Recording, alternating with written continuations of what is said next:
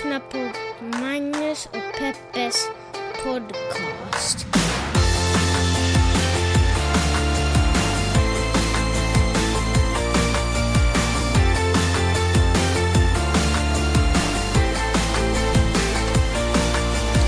Ja, hallå internet och hjärtligt välkomna. Hoppas att ni känner er till vår podd som heter Magnus och Peppes podcast. Och det är jag, det är jag, kära vänner, som är Magnus. Och eh, jag skulle vilja välkomna er till den här podden där vi pratar om de stora och de små händelserna och vi gör det ur ett feministiskt, journalistiskt och mediegranskande perspektiv. Hej Det har, Peppe. du, det har du rätt i, Magnus. Det stämmer. Hur mår du Peppe? Jag mår bra, tack Magnus som frågar. Jordbävning i nöt, var det spännande för dig? Ja, men det var det. Det var som en våg som liksom sköljde över, eh, eller under huset. Mm. Det liksom kom och så försvann den. Spegeldörrarna skakade, hundar skällde och så var allt över på några sekunder. Eh, Men en våg, alltså lyftes marken eller hur menar du? Ja, man kände verkligen. Jag tycker det är så ofta när det är jordbävning. Du känner ju nästan aldrig av dem faktiskt. Nej. Du är alltid någon som är ute och super eller sover eller... Det stämmer inte. Det stämmer inte. Det stämmer inte. En gång var jag i, i parken och så kom du bara Åh, kände du jordbävningen? Så bara nej. Så konstigt. Ja, men det Jag känns märkte faktiskt... inte av den här heller. Alltså, Det känns verkligen som en våg. Som den kommer liksom och sen... Alltså så drar den vidare. Det liksom blir som en... Kanske som... Jag vet inte om det är rätt sätt att säga att den lyfter huset, men det är på något sätt... eh, Ja, man känner att marken rör sig under den. Men det är mer liksom att den försvinner förbi än att eh, den rör sig fram och tillbaka. Jag s- sitter och tittar upp här i taket nu och ser om jag ska se några nya sprickor som har uppenbarat. De här husen är ju inte gjorda för att motstå jordbävningar om vi säger så. De är Nej. ju gjorda av typ papier-maché. Eh, och är väl tanken att de ska vara billigt att bygga upp så att när de sen rasar ihop så är de bi- billiga att bygga upp igen. Tänker jag. Men jag ser faktiskt inga nya sprickor. Däremot ser jag en spindel som promenerar på taket. Men det är en annan historia. Eh, är, du, är du rädd för jordbävningen? Nej, men varje gång det kommer en känner jag att nu borde vi packa den där jordbävningsväskan igen. Eh, för vad då? Nej men ifall vi, det fall vi måste dra härifrån till exempel, eller vet du, man skulle ha skor bredvid sängen ifall fönster krossas så man inte får skärvar i fossingarna. Man ska sko bredvid sängen. Ja. Kan man, är, det inte bättre om vi, är det inte bättre om vi har dem i hallen där vi inte har något fönster än att vi drar det till sängen där vi de facto har fönster? Vill du sova i hallen alltså? Nej, men ja, efter jordbävningen så då, kan ingen, då får man inte gå mer. Är det liksom, man måste göra alla sina steg tills det kommer en jordbävning. Sen måste alla freeze där de är. Va? Och har man vatten med sig... Men ska vi ha vatten bredvid sängen också eller? Nej, för då sätter du på dig skorna så kan du gå till köket och hämta vatten. Ja, du menar för att vi är vid sängen och det har krossats glas och Ja. man inte vill gå på glaset till Herregud, skorna. hör ni, hör ni så jobbigt det är att få fram information till den här personen? Jag antar att alla som lyssnar på den podden fattar det, utom du. Men det räcker inte med tofflor. Ja, det räcker bra med tofflor. Då så. Anyways. Eh, jo, men jordbävningsväska, vad ska man ha? Varför vad känner du att vi behöver den för? Nej men lite rena undisar och sånt ifall man måste Men in det på har vi i hotell. garderoben. Eller tänker du att det är glas där också? Men jag tänker att det kanske är brådis att dra ut om huset kommer att... eh, om man tänker att nu, oj, nu kommer en stor, kanske kommer en till stor som får huset att rasa. Ja. Varför skrattar du bort det här, Magnus? Folk... eh, Okej, jag säger att folk dör ju väldigt sällan i jordbävningar, men... Ja, det skadar ju inte att vara förberedd. I, I Kalifornien ska vi kanske tillägga. För det finns platser på jorden där folk de facto dör av jordbävningen. Och det finns ju, det ju, finns en möjlighet att folk dör här också när den stora kommer. Den är ju Sant, liksom men nu- försenad. Men nu, kan har- ju, ju- ja, nu har jag förstått Da- att den stora inte än kommer drabba oss. Du menar att det bara är San Francisco Ja. som kommer att falla ner i Och havet? det, spe- det glädjer ju ingen där uppe att jag har en bug-out bag med vatten. Det hjälper ju ingen med det. Så det här är så... Det här är verkligen din livsfilosofi. Nej men jag, alltså jag Varför förbereda sig i onödan? Kolla, nej. och det har ju gått bra hittills. Det är inte det, det är inte förberedelse i o- onödan. Jag bara Du är tänker... liksom motsatsen till Henrik Postin. Nej men vet du, jag tror, nej men det är ju en hobby, det är en annan sak om vi gör en hobby av det. Eh, liksom ha, motorcyklar nergrävda runt omkring Los Angeles. så att man lätt kan ta sig från plats A till plats B, du vet. Och skattkistor och grejer. Ehm, och, eh, och sen kartor inrullade i håligheter i träd. Han har ju tatuerat faktiskt Los Angeles-karta över sin kropp. det ska inte förvåna mig. Nej, det är på Karins huvud som man måste raka hennes hår sen för att du ska kunna hitta och, och där har hon så här mötesplatserna utmarkerade.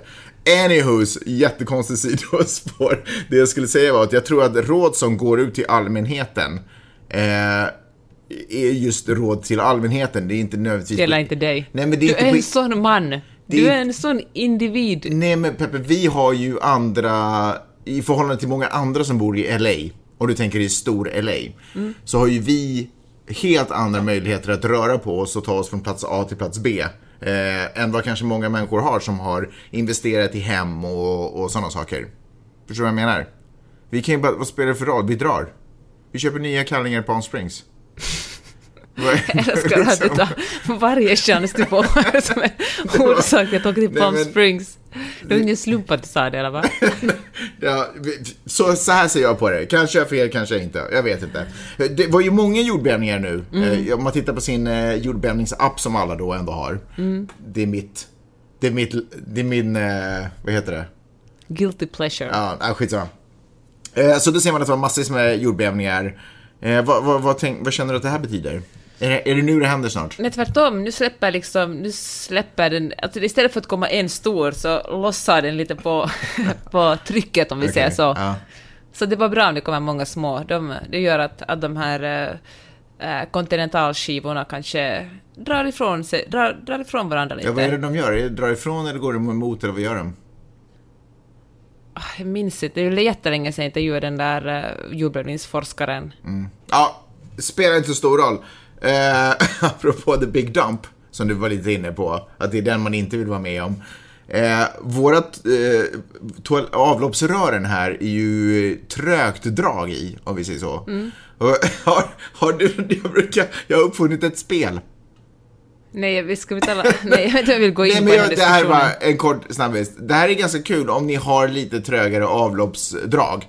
Men inte magar. Nej, men det, man behöver inte gå in på innehållet liksom. Men bara att om man spolar, om det, det spelar ingen roll vad som är, om det ligger lite pappers eh, servetter i så blir det genast lite så här, oh, då blir det ett litet bingo. Och det klassikern är att man direkt bara tar tag i den där um, plummergrejen, vad heter den, sugkopps, trycker den. Bra, herregud. Jag jobbat länge som, eh, som eh, Oh, det är plumber. inte din starka Men sida. herregud, det jag försöker säga är att jag har börjat vänta och se hur länge, alltså du vet när man spolar Mm. så börjar vattnet stiga för att den inte sköljs iväg. Så bara, ska, ska, kommer det hända, kommer det hända, kommer det hända, kommer det hända? Och sen precis i sista, nu hände det också, precis innan jag skulle starta podden. Så precis uppe i verandan så bara, då lossnade det så bara åkte allting ner, så jag behövde aldrig ta tag i den där. Vad Det, spännande. det är väl så samma läge som de ska köra ner i garaget. Om Ja. man hinner för det, eller liksom om man, om man hinner under utan att, utan att den här porten tar i bilen. Ja, precis. Jag, jag har ett ställe där jag trycker upp, börjar trycka upp porten och sen så kör jag bara och så hoppas jag att, att har kommit så pass högt upp så man faktiskt glider in under. Man behöver lite, det där är äventyr, inte hålla på och fjanta sig med en jäkla bug-out bag som man aldrig har någon nytta av. Det här är riktiga äventyr, ska jag säga. Oh, you could live through an ass whooping. You ain't gonna live through, you know, what I think that they're, they're, they're probably the idea is to beat sense into me. But, you know, um, when you hear about slavery for 400 years, for 400 years, that sounds like a choice. like, you was there for 400 years and it's all of y'all? You know, like, it's like we're, we're mentally in prison. Like Det där var alltså Kanye West som intervjuades av eh, skvaller eh, nyhetsmediet TMC eh, för typ en vecka sedan. Eh, och har ju, folk har ju blivit superarga över att han säger att vara slav, det var en choice. I 400 år var det bara en choice. Hör, spontant, vad tänker du? Jag tänker att uh, Kanye må vara ett geni inom musiken, men han är ingen, inget geni inom politiken eller tänkande. Jag tror att han liksom har kommit, han ser sig själv som... eh, ja, men han står ovanför eller utanför eh, strukturerna och kan betrakta allt annat och, och, eh, och liksom han... eh, jag tänker att det var inte speciellt smart sagt, kan jag bara tänka. Alltså, eller helt enkelt okunnigt sagt av honom. Jag, jag, jag tror faktiskt, det skrevs ju en, vad heter den där snubben som, en journalist och en författare Ta-Nehisi som... Coates. Jag kan lägga upp den på vår... eh, Ja, som skrev en, eh, en, en ganska, ganska gripande och eh, bra, givetvis, välskriven essä Mm. om det här fenomenet där han också pratar om eh, att Kanye West är på något sätt en del av traditionen som föregicks av eh, Michael Jackson. Eh, där, där Har de, du läst den här alltså? Ja, absolut. Jag läste den i morse. Där de här stora män, kanske lite O.J. Simpson också, eh, där de här stora, stora eh, husgudarna eh, nästan, ändå på något sätt tenderar att, de, de, eh, de vill så gärna vara en del av det vita och det normala. De har kommit... Eller normen liksom. Normen, ja, inte det normala på så sätt. Att det, ja, skitsamma. Men normen, så att de... Eh, de, de börjar prata, de börjar säga konstiga saker helt enkelt. Mm. De börjar överge sitt, eh, sin, sin tro och sin historia för Och det att förstår jag ju. in, Det är att mycket passa in. lättare att vara vit. Absolut. Tänk att liksom ha white privilege, kunna vara liksom vem som... Vilket de, många av dem har. Mm. Eller OJ hade det ända tills eh, han blev mördare, för då övergav ju alla honom. Och detsamma skulle ju också gälla Kanye också. Mm. Jag menar, alla Trump-väljare måste ju gilla honom nu, ända tills han gör någonting annat, och då vänder de som honom jag- ryggen. Det var en grej som jag störde mig på i, i den där essän som han skrev. Och det är att han liksom utgick ifrån att... För han tar ju till exempel, eh, exempel då det här med Michael Jackson, att han lekte sin, eller hans, eh, vi, hans ljusa hy. Eh, och det på något sätt var ett bevis på att han inte ville vara en del av det svarta communityn. Vilket i mina öron kanske är en, ganska mycket en förenkling. Alltså om man också tittar på vilken bakgrund Michael Jackson hade med att ha blivit eh, nedtryckt av sina föräldrar, sin pappa som hade hållit på att hacka på honom för hans näsa och du vet. Det, det, det är så många andra sår där så det kanske inte bara handlade om att han inte eller det kanske inte alls handlade om att han inte ville vara en del eller representera på något sätt en svart community utan det kanske bara handlade om att han ville bryta sig fri från att bli dömd för sitt utseende. Jag tror det verkligen det, för han blev otroligt dömd på, av sitt, på, på grund av sitt utseende, just för att han ville bli vitare. Jag vet inte. Folk diskuterar Men hör du... Kan, kan vi, och, Kan, jag, kan man tänka, förlåt förlåt jag dig, men kan man tänka så här att det, eftersom mannen är normen i vårt samhälle, det är ju liksom samma sak hur flickor vill vara, man säger att jag var som pojkflicka när jag var liten och eh, man är the cool girl, vill liksom, jag har bara pojkkompisar, pojkarna är enklare. Man vill liksom hänga, man vill hänga med normen och hoppas att, att de som tillhör normen accepterar en som en av dem och på så sätt höja sitt status. Men det går inte, för att är man, är man kvinna eller är man mörkhyad eller är man liksom på något sätt, har man en funktionsvariation så kan man, hur gärna man än vill, så kan man när som helst bli utkickad ur den här, ur normen eftersom man egentligen aldrig hör in dit, man, man hör aldrig dit egentligen. Det är en annan grej med den här Kanye West-grejen, det här lilla citatet att uh, uh, slaves for 400 years, uh, if it's been that long, it had to be a choice. Någonting sånt säger han. Den känns väldigt tagen ur sitt sammanhang. Jag, jag får också en alltså det är ju ingen snack om att det är en slur, att det är en groda som poppar upp. Eh, det är ingen snack om att han inte eh, har tänkt igenom vad han ska säga. Men det jag också tycker är ganska tydligt är att han försöker göra en annan poäng. Vad försöker han göra för poäng då? När han försöker göra en poäng där han, där han pratar om att han blir, han blir liksom eh, för det kom ju från det här varför han hade på sig den här kepsen. Eh, Make Men det är just det, för att han har på sig den här kepsen, inte säga att han kommer ju från att ha stått i hand i hand med Trump liksom och säger att han skulle rösta på Trump. Det, liksom, det är ju inte, den kommer ju inte från ingenstans. Jag tror att som lösryckt skulle det kanske vara man- lättare att se det som en, som en felsägning eller... Det är sant och jag tycker inte att människor ska behöva, liksom, nu är det 2018, vi har sett vad som händer om vi låter människor bara kasta ut skitsnack även fast de försöker säga någonting annat. Och det finns en poäng i att man också försöker uttrycka sig korrekt så att det för att det inte ska vara så mycket missförstånd, så att folk verkligen förstår vad det menas, så att vi inte ska vara så mycket upp till tolkning. Och jag tycker verkligen speciellt om man har en så enorm plattform Mm. så har man ett ännu större ansvar att fundera noggrant igenom det man säger. Ja. Och sen är ju alla bara människor, men säger man någonting dumt så då säger man förlåt, jag sa någonting dumt, nu missförstod ni mig eller jag formulerade mig fel, det var det här jag menade. Mm. Man pudlar genast. Men om han nu inte heller nödvändigtvis har den, eh, liksom, inte vet jag, kapaciteten att se en, en sån, för det, det finns, den här, den här intervjun fortsätter ju. Eh, och han hamnar i en diskussion med en av redaktionsmedlemmarna, en producent där på TMC, en annan snubbe som bara har hört allt det här hända. Eh, och de hamnar i en, liksom, en diskussion med varandra. Och det slutar ju med att Kanye West de facto går fram till honom och bara jag ber om ursäkt. Det här är liksom, jag ber om ursäkt för att jag sårar dig och för att jag liksom, du vet, sådär, det blir personligt däremellan. Men, men, det, men och, och det är sant att han ska få skit för att han säger så. Men det som jag tycker är synd är att nu får han skit och så struntar man helt och hållet i vad det var han försökte säga. Vad tror du han försökte säga då? Han försökte säga att vi lever i en tid då det inte skulle skada om vi försökte, vi är väldigt påverkbara, vi påverkar, vi sätter på, eller så här tolkar jag det, eller så här skulle jag kunna tolka det, det vill säga om jag sätter på mina snälla Kanye West-ögon, eller glasögon. Att vi lever i en tid där vi påverkas, det finns otroligt många intressen som är intresserade av att få oss att köpa eller, eller gå i vissa riktningar. och det är väldigt viktigt för oss att liksom free our minds, att vi inte är mentala fångar. Sträck, direkt efter den här eh, slavery slurren så, så, pratar han, så säger han nu att jag skulle helst inte ens vilja snacka om det här med slavery, för det, för det, blir, så, det blir så svart, det blir så kopplat direkt till svart. Eh, på samma sätt som Holocaust blir så kopplat direkt till judar. Utan vad det handlar om är att vi är ett, vi är ett mentalt fängelse.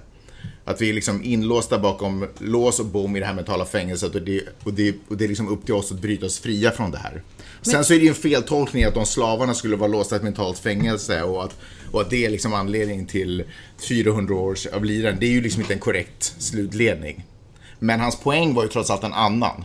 Men kanske problemet blir där när man talar i metaforer och inte riktigt klarar av att, det att formulera sig i metaforer. Då är det ju mycket bättre att istället för att anstränga sig för att låta smart och sen blir det helt fel, Absolut. att bara säga så här tänker jag och bara spit it out liksom, säga rakt ut det man vill ha sagt. Och det är helt rätt, han ska ju få skit för det han sa. Men återigen, håller du med mig? Är det inte synd att hans poäng nu försvinner för en eh, otroligt dum och felaktig sak att säga? Ja, ja, kanske det. Ja, men han kunde ju, han har ju, det är ju inte som man inte skulle kunna nå ut till människor och vilja korrigera det. Men kanske det här är också läxan som man kan ta med sig av det här, eller lärdomen man kan ta med sig av det här. För många kräver liksom sitt rätt, sin rätt att uttrycka sig och prata på det sätt de känner sig mest bekväma i. Men konsekvenserna av det, om, du, om man inte anpassar sig till ett språk som, eh, som vi alla har kommit överens om, liksom, är att du tenderar att bli missförstådd. Och om du tenderar att bli missförstådd så riskerar du också förlora m- liksom, ditt riktiga budskap. Men vad betyder det? Vad menar du med att vara mentala fångar liksom? Jag förstår inte riktigt heller Nej, det. men det var ju vad han pratade om. Okej, det var bara, men du förstår inte vad liksom vad han, vad han, vad det var en, Det, det kommer från en lång harang av till exempel att han precis också i den här intervjun, eller kanske var tidigare, berättade att han var eh, beroende av opioider eh, som, han med, som han säger att han har fått liksom, han har blivit medicinerad, de Mm. får sjukhus, att de håller på liksom, sjukhus håller på och trycker i en droger som man egentligen inte ens behöver, i mängder man verkligen inte ens ska ta dem i Mm. det är ju en jätteviktig fråga i USA. Precis, men alla de här sakerna, liksom hur, sam, hur sam, det amerikanska samhället hela tiden håller på Alltså, jag pratar inte om en, eller jag tror inte han heller gör det som någon konspirationsteori, men att de facto kvarstår att vi måste, det sätts så stor press på oss själva att tänka själva. Om vi inte tänker själva så blir vi, så är det som att vi är ett fängelse, vi får bara det vi blir matade. Gå ut dit, nu har du rast i 15 minuter, bam, bam, bam, så knatar man dit, har rast i 5 minuter. Sätt dig ner, ät den här maten. Man har liksom inget... Och, och, och det är ett mentalt fängelse. Vi är ju inte där egentligen. Vi kan ju fatta egna beslut. Men då måste vi läsa på, då måste vi göra andra saker liksom.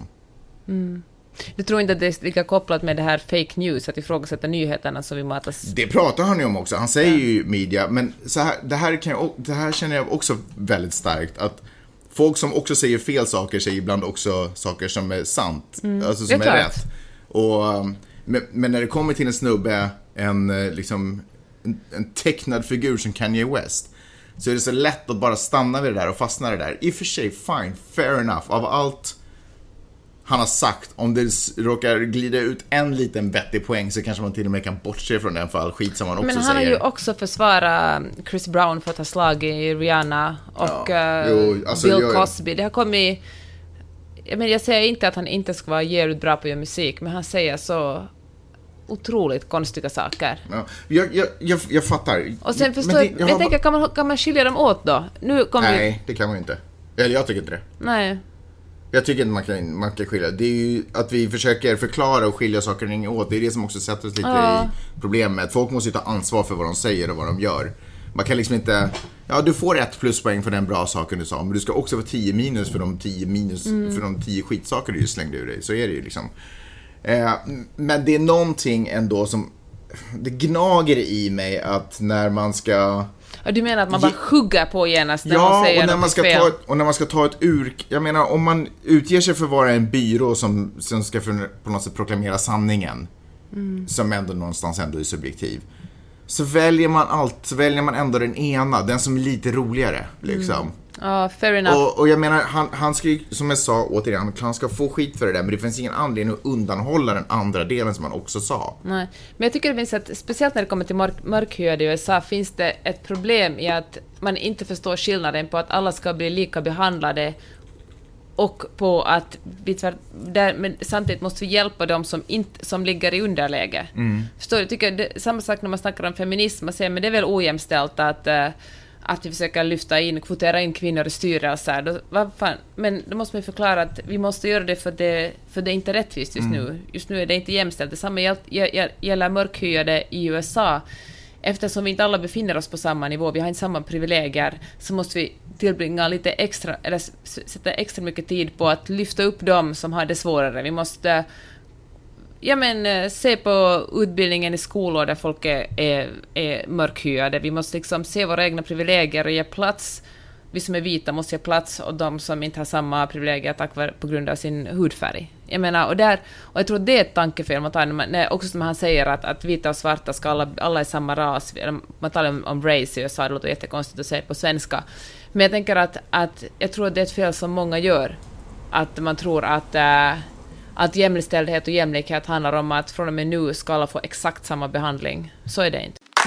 Okej, det var superintressant det där som du sa om, eller som vi talade om, att Kanye West är en individ, att han står på något sätt ovanför eh, alla andra. Och därför kan han säga att alla ljushyade och mörkhyade, alla ska vara ett, för att vi är, det finns inga Ja, det sa han kanske inte, att det inte finns några strukturer.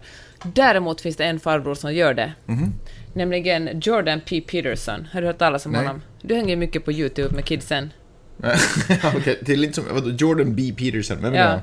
ja, men det är en, en 55-årig gubbe som eh, Karin Götelid på Svenska Yle har skrivit om. Han är alltså en kanadensare, 55 år gammal, doktor i psykologi.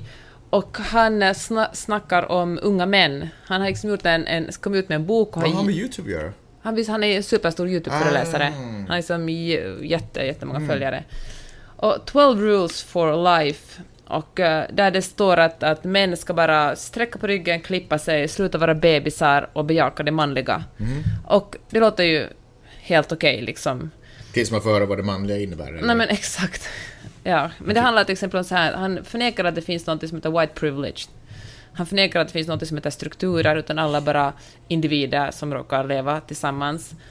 Och ehm, um, han säger till exempel så här att, att män måste få bejaka det manliga, så när små pojkar skater och, och faller så ska man inte trösta dem, utan de ska bara få liksom vet du, bita ihop och klara sig själva. Det är, liksom, det är att vara stark och manlig.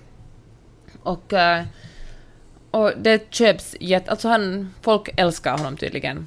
Och speciellt unga män, och speciellt tydligen unga österbottniska män. För du har Karin Götelid intervjuat några män, som till exempel uh, Jonathan Lassila som är 29 från Jakobstadstrakten. Och eh, han säger så här att, att en individ kan bara uttala sig för sig själv och inte för en hel grupp.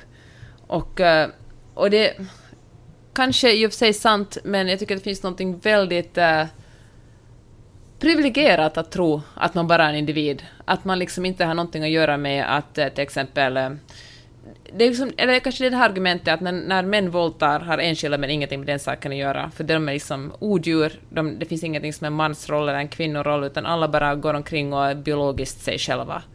Och jag fattar, jag, och jag förstår att de här unga männen dras till en sån här, eh, en sån här tanke, för det, det finns ganska mycket negativt just nu om mansrollen. Det sägs att, att män är ensamma, män begår mycket mer självmord än kvinnor, män är, är våldsamma, de begår 96 eller 98 procent av alla sexualbrott utför män. Och då vill man ju kanske, då ser man ju sig hellre som en individ än som en del av den här grötiga soppan.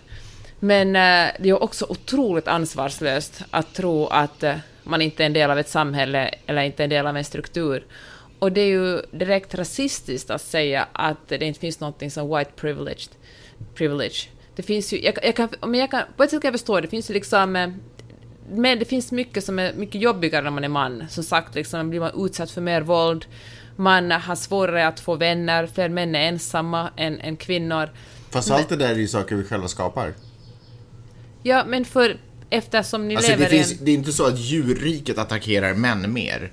Nej, det är ju ni liksom- varandra som ja, utför våld. Men det, beror, men det tycker jag inte att det är en ensam individs fel heller, utan det handlar ju om att mansbilden är som den är. Det är för att pojkar helst inte ska gråta. Det är för att pojkar inte ska gråta när de faller med skateboarden, eller för att ingen kommer att krama dem när de faller med skateboarden. Men det är också en konstig sak. Alltså, om en pojke, en pojke som faller på skateboarden börjar ju gråta. Så det, vadå, du sa, han sa ju precis att man skulle bejaka mansrollen. ja, men så precis. Då, låt den gråta då. Ja, men exakt. Men tydligen, för då, då har ju den här personen redan bestämt sig att i mansrollen gråter man inte.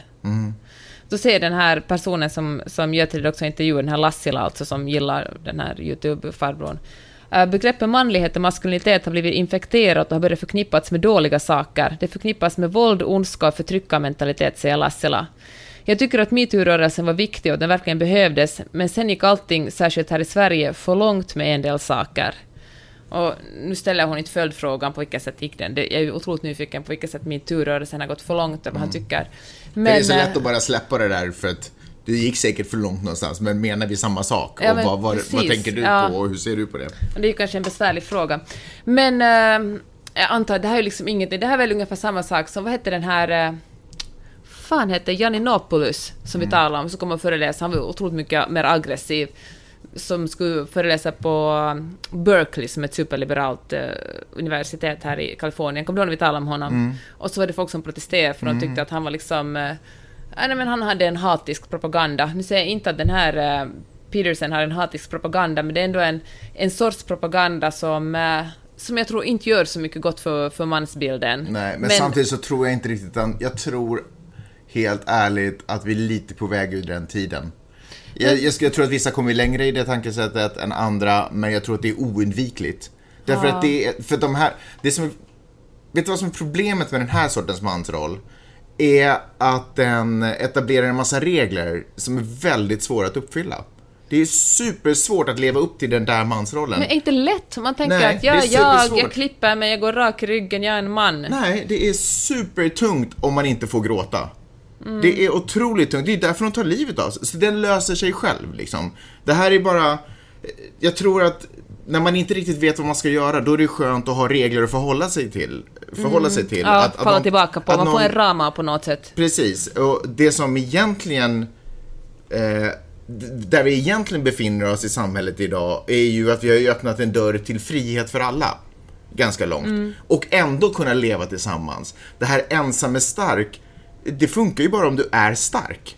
Men det är ju hemskt få människor som är så genomgående starka att de kan leva ett helt liv på det sättet som, som idealbilden av någon eremit uppe i Alaska som skjuter sina egna grizzlybjörnar och klär sig i kaninskinn, inte fan vet jag. Det är ju hemskt få män som kan leva upp till det där. Så att det där är ju ett mycket, mycket, mycket svårare sätt att leva på. Fast det är ju också en backlash eller ett svar på liksom just feminismen. Ja. Och att, eh, att eh, kvinnor och folk som inte är vita, liksom mörkhyade, har fått Fast det mer är ju inte ett möjligheter. backlash, det är ett, det är ett desperat rop. Ja, Det du är menar despera- dödsskrik. Ja, ja, dödsskrik på den gamla klassiska mansrollen, traditionella mansrollen. Eh, men det är ju ett desperat rop på hjälp, ge mig förhållningsregler i den här nya världen. Hur, du, det är inte, Ja, det är faktiskt sant. Det är inte faktiskt en bra analys. Det är inte lätt att vara fri. Det är ju det är också en anledning till att många som har suttit inne i fängelse när de kommer Mm. ut, vad fan, de det går inte riktigt att förhålla sig till den här nya världen. Om man hela tiden har blivit sagd hur man ska bete sig, hur man ska röra sig. Det är klart att det kan ju uppfattas lätt, men när det också kommer en massa, massa andra reglerna som är supersvåra att förhålla sig till. Så jag är inte liksom ens, är inte ens orolig för det där. Tvärtom så säger jag ju att det finns ett utrymme att, ja, som jag sa, att så här kan du förhålla dig i den nya världen. Sen finns ju en annan sak. Kvinnorna är ju mycket mer intresserade och pådrivande eftersom vi lever i ett patriarkalt system. Så kvinnor är mycket mer intresserade och pådrivande. Han säger att det inte finns någonting som patriarkatet. Såklart. Det kan, han, ju- det kan han ju säga. Det spelar ju ingen roll. Nej. Han kan ju säga att det inte finns blåbär i skogen heller. Det, whatever. Eller att det inte finns påskägg. Om du, om du är färgblind så gör det säkert inte det. Men det betyder inte att det inte existerar för majoriteten av befolkningen. Och du är inte intresserad av att höra hur majoriteten av Men det är befolkningen klart har det inte existerar om du är 55 år, vit Ja. och rik. Men sen är det också så här, om det väx, att det skulle växa upp en ny gen, alltså jag fattar att en gammal generation, för de, de lever ju tillsammans i sin bubbla. Jag menar, det är vad det är liksom. Men det jag skulle säga är att en ny generation kommer aldrig kunna, det kommer aldrig funka därför att jag tror inte det finns kvinnor tillräckligt som skulle ställa upp på de levnadsvillkoren. Men vet du, det är ju, i och för sig, det är ju faktiskt det vi talade om för några veckor Ja. sedan. Att män är ensamma, för kvinnor står inte får- ut med sånt här. Och då kan vi se, är ensam så jäkla stark? S- När de sitter där som 40-åringar utan liksom någon att dela ett liv med. Det är egentligen otroligt tragiskt. Men det, väl, det borde ju vara den ultimata drömmen då. Då är du ju ensam och får vi se hur stark du är. Så hoppas jag bara att man inte säljer så mycket hagelbössor där uppe. Alltså man kan säga vad man vill, man kan tro vad man vill, men du kommer aldrig ifrån det faktum att vi behöver varandra. människor är aldrig så olyckliga som när de inte har kontakt med andra människor eller vad det, vad, om det så kommer till samtal eller om det kommer till beröring så behöver vi varandra människor. Det finns ingenting som att vi skulle vara ensamma. Det är klart att vi är individer, men, men det är också det här, det, det finns en föreställning om att individer och, och fungera i grupp inte går ihop.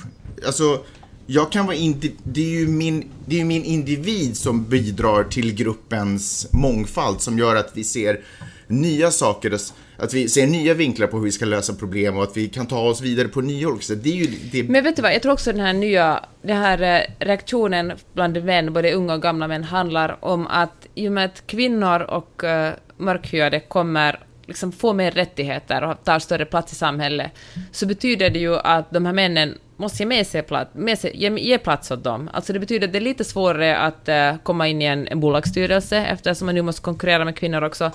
Det är lite jobbigare, för nu för tiden i, i dagens samhälle så ska män också ta, göra det oavlönade hushållsarbete hemma. De gör inte ännu så hemskt mycket, men varje, tänker jag mig, för varje år som går så måste de göra det lite mera. Det blir, den nya världen är på många sätt bättre för, för män, för vita män, eller för alla sorters män, eftersom de får lära sig att det är okej okay att gråta, det är okej okay att vara mjuk, det är okej okay att vara svag.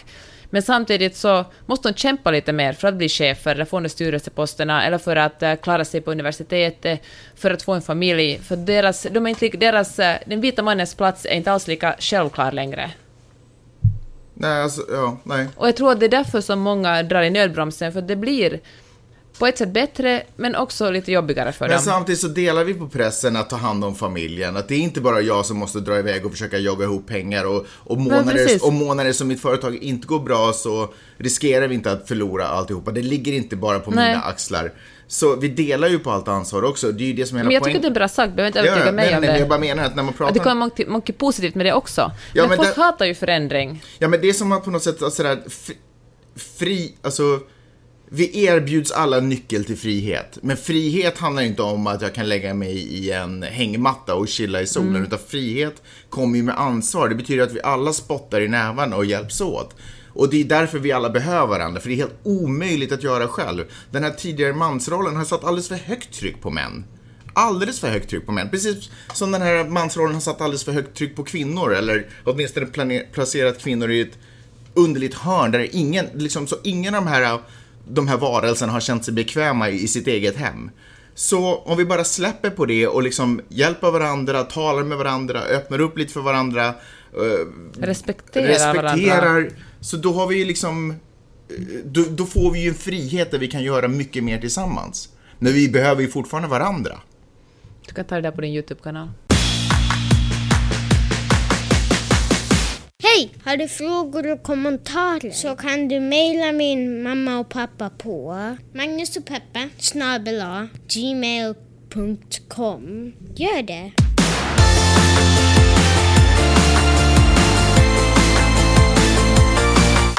Gör det magnuspeppers.gmail.com eller gå in på vår Facebook-sida Magnus Peppers Podcast eller så på våra respektive, eller så är jag fel? Nej, det sa Nej, eller våra respektive Instagramkonton Peppe Peppe Peppe eller Maggie Sohman. Så, Sohman.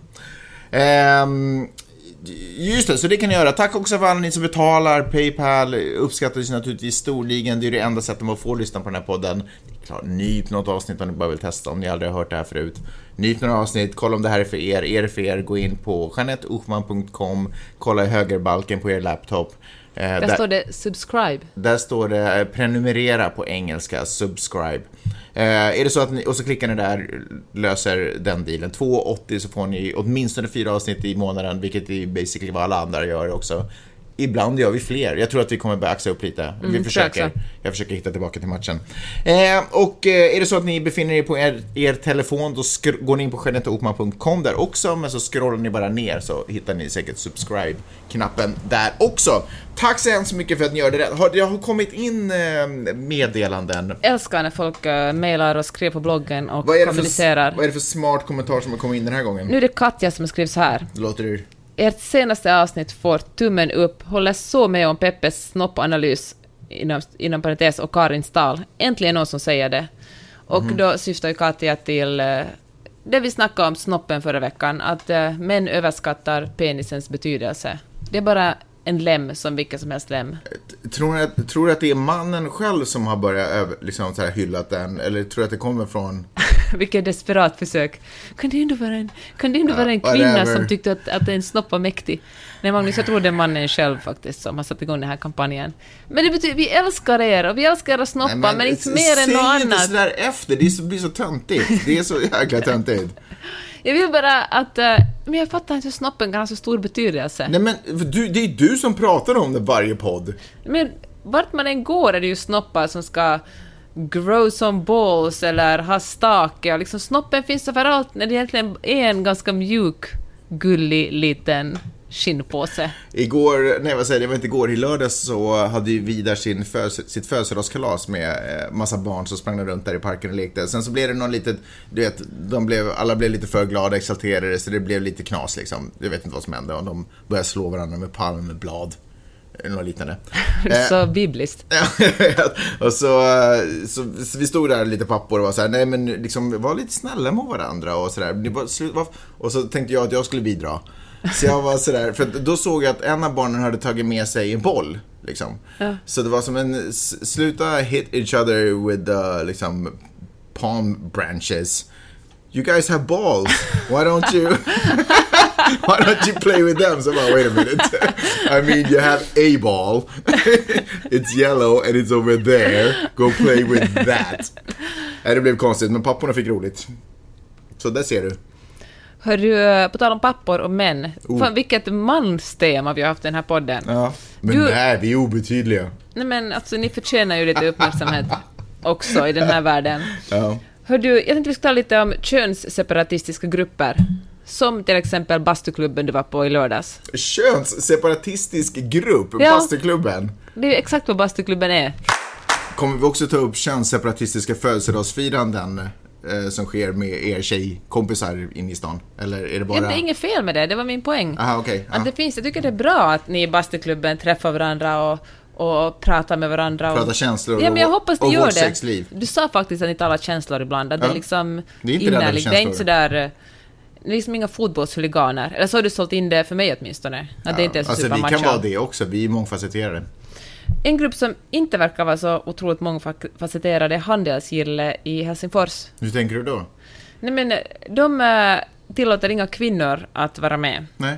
Och eh, det är faktiskt en ganska ny grej. Trots att handelsgilde har funnits sedan eh, slutet av 1800-talet var det först 2003 som de bestämde sig för att det här är en grupp för bara män. Förr har det stått på personer, men nu har det stått eh, bara män. Fast det har väl i praktiken aldrig tillåts kvinnor där inne? Ja, ja, vad vet jag, men alltså det har varit Utom tillåtet för möjligen kvinnor. sådana vissa tillställningsdagar, Ja. co-ed-grejer liksom. Så här står det. Eh, de har, 2003 ändrade man det från en förening för... för eh, st- alltså sen 2003 har det varit en förening för svenskspråkiga män, inte för svenskspråkiga personer som det hette i de gamla stadgarna från 1927. Men det, kvinnor var väl inte personer, eh, 1927. Ja. Vad var vi då? inte jag. I alla fall. Nu har man... eh, nu har man i alla fall snackat igenom det här, för det är många organisationer och föreningar som inte vill samarbeta med Handelsgille, Mhm. eftersom eh, de inte tillåter kvinnor i sin... Och det är ju inte så bra för den här föreningen. Nej. Men 2003 skrev man också in i stadgarna då att eh, alltså det här ska vara en, en föreningen eh, finns till för att främja näringslivet i Finland. Och det, det låter ju också Mm. det konstigt, konstigt, att ja. inte låta liksom, kvinnor vara med. För jag är annars kan jag inte säga att jag är emot eh, Gubbklubbar. gubbklubbar och, kvinn- och, och tantklubbar och Nej, sånt. jag kan också tänka att det kan vara hur bra som helst. Det finns ju en sån här, det är ju en, en kvinna som sitter ute i eh, finska skärgården nu, i Ekenäs någonstans. Ja, har typ, läst om henne, som, ja. som ska starta en sån här eh, typ spa eller avslappningsgrej för enbart kvinnor. Och det blir jäkla kalabalik sådär bara, åh nej, får män inte komma dit.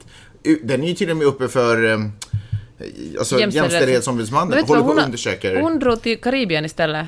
Nej, nej, nej, nej, nej, nej, nej. Va? Hon har där också. Eh, men, nej, men alldeles nyligen stod det i nyheterna att hon säger fuck you Finland och drar. Jag vet, men det gjordes en rättelse efter det. Jaha. Att hon kommer fortfarande att avsluta det här projektet. Ser att hon, hon, kommer att öppna det. Men däremot så hade hon tänkt göra andra investeringar också i Finland, men det skiter hon i Ja, okej. Okay. Anyways. I alla fall. Okay, ja. Men, äh, så nu har man diskuterat och, det, och sen 2003 så då krävs det inte heller majoritet för att, för att ändra stadgarna, utan det krävs en hundraprocentig överenskommelse. Konsensus även kallad. Exakt. Så om en gubbe säger inga kvinnor får vara med här, då får inga kvinnor vara med här. Nej. Och det är liksom, och det är ju inte så att det ska finnas en kö av kvinnor som absolut vill vara med där, men det är tvärtom de egna medlemmarna som är sådär, men herregud, är det här riktigt fräscht liksom? Det vår eh, förening håller på med ska ju också kvinnor kunna inkluderas i. Och eh, så här säger en gammal ordförande som alltså är mot kvinnorna, han säger så här Debatten om att vi ska släppa in kvinnor kan jämföras med att Finland vill ta hit utlänningar trots att vi inte har förutsättningar för att ta hand om dem. Så man skulle nog gärna ta med kvinnor in i den här föreningen om man bara hade haft förutsättningar att ta hand om dem. Men är det ett snyggt sätt att på något sätt att man kombinerar sexism och rasism i, i ja, en... det är väl inte rasism att man inte vill ha in eh, invandrare?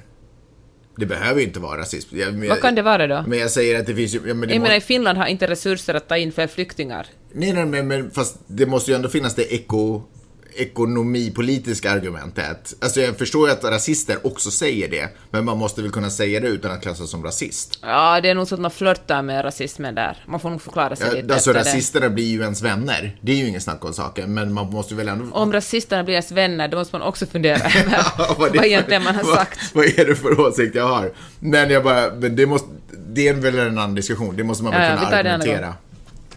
I alla fall, men då tänkte jag så här att, men det som vi talar om, att i vissa fall så tycker jag det är helt bra med könsseparatistiska grupper. Jag tänker så här i skolor till exempel, kanske det är skönt för, för tjejerna ibland att inte ha massa stökiga Mm. killar som tar plats och, utan istället kan, killar tar ju mycket mer plats i klasserna traditionellt än, än tjejerna.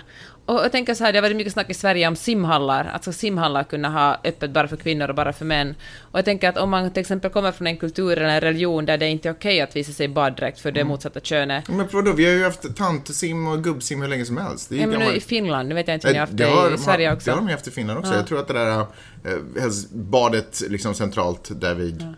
Men jag tänker att om man liksom begår någon slags tankefel där också, att man tror att äh, jämställdhet är att alla ska vara tillsammans hela tiden. Jag tror tvärtom att eftersom vi inte ännu är jämställda så kan det liksom göra gott för... Ibland kanske det behövs Men det här är väl inte bara en jämställdhetsfråga? Men jag tror att folk tar det som en jämställdhetsfråga, att man stänger ut det ena könet just på grund av könet. Ja, fast vänta nu, tycker du att det är okej att handelsgillet inte har... Nej, men vad jag försöker säga nu att det finns olika, man, liksom, man kan diskutera det från fall till fall. Mm. Jag tycker till exempel, jag förstår bra att, att eh, man vill till exempel ha en musik, någon försökte ordna en festival för bara kvinnor, det blir också ramaskri männen, eftersom det blir... Men det blir ju eftersom, alltid ramaskri när kvinnor försöker Ja. ordna någonting eget, medan alla de här mansgrejerna, eller mansklubbarna, Det är just liksom- mensgrejerna som Ja, kvinnor...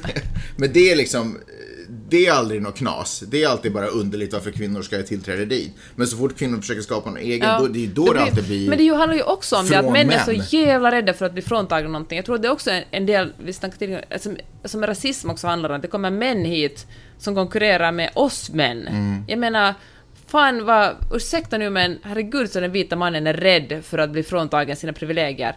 Jag tror att det är därför vita mannen var är så ju- jäkla aggressiv, för att den är så Ja. otroligt rädd för Det är ju därför som så många röstar på Trump också, för Ja. de, det talade vi om i förra avsnittet, för att, eller det finns liksom forskning som visar det här, för de är så rädda för att det ska komma människor som inte är vita och kvinnor och kunna ta deras positioner. Därför röstar man på en stor tjock vit gubbe som Mm. Istället för garanterat bara- är konservativ. Istället för bara styra upp sin egen skit och se till att man inte har någon konkurrens egentligen. Ja, precis. Alltså så jäkla fånigt. Alltså jag har inga problem egentligen med handelsgillet, men jag tycker det är synd om de ska vara en marknads...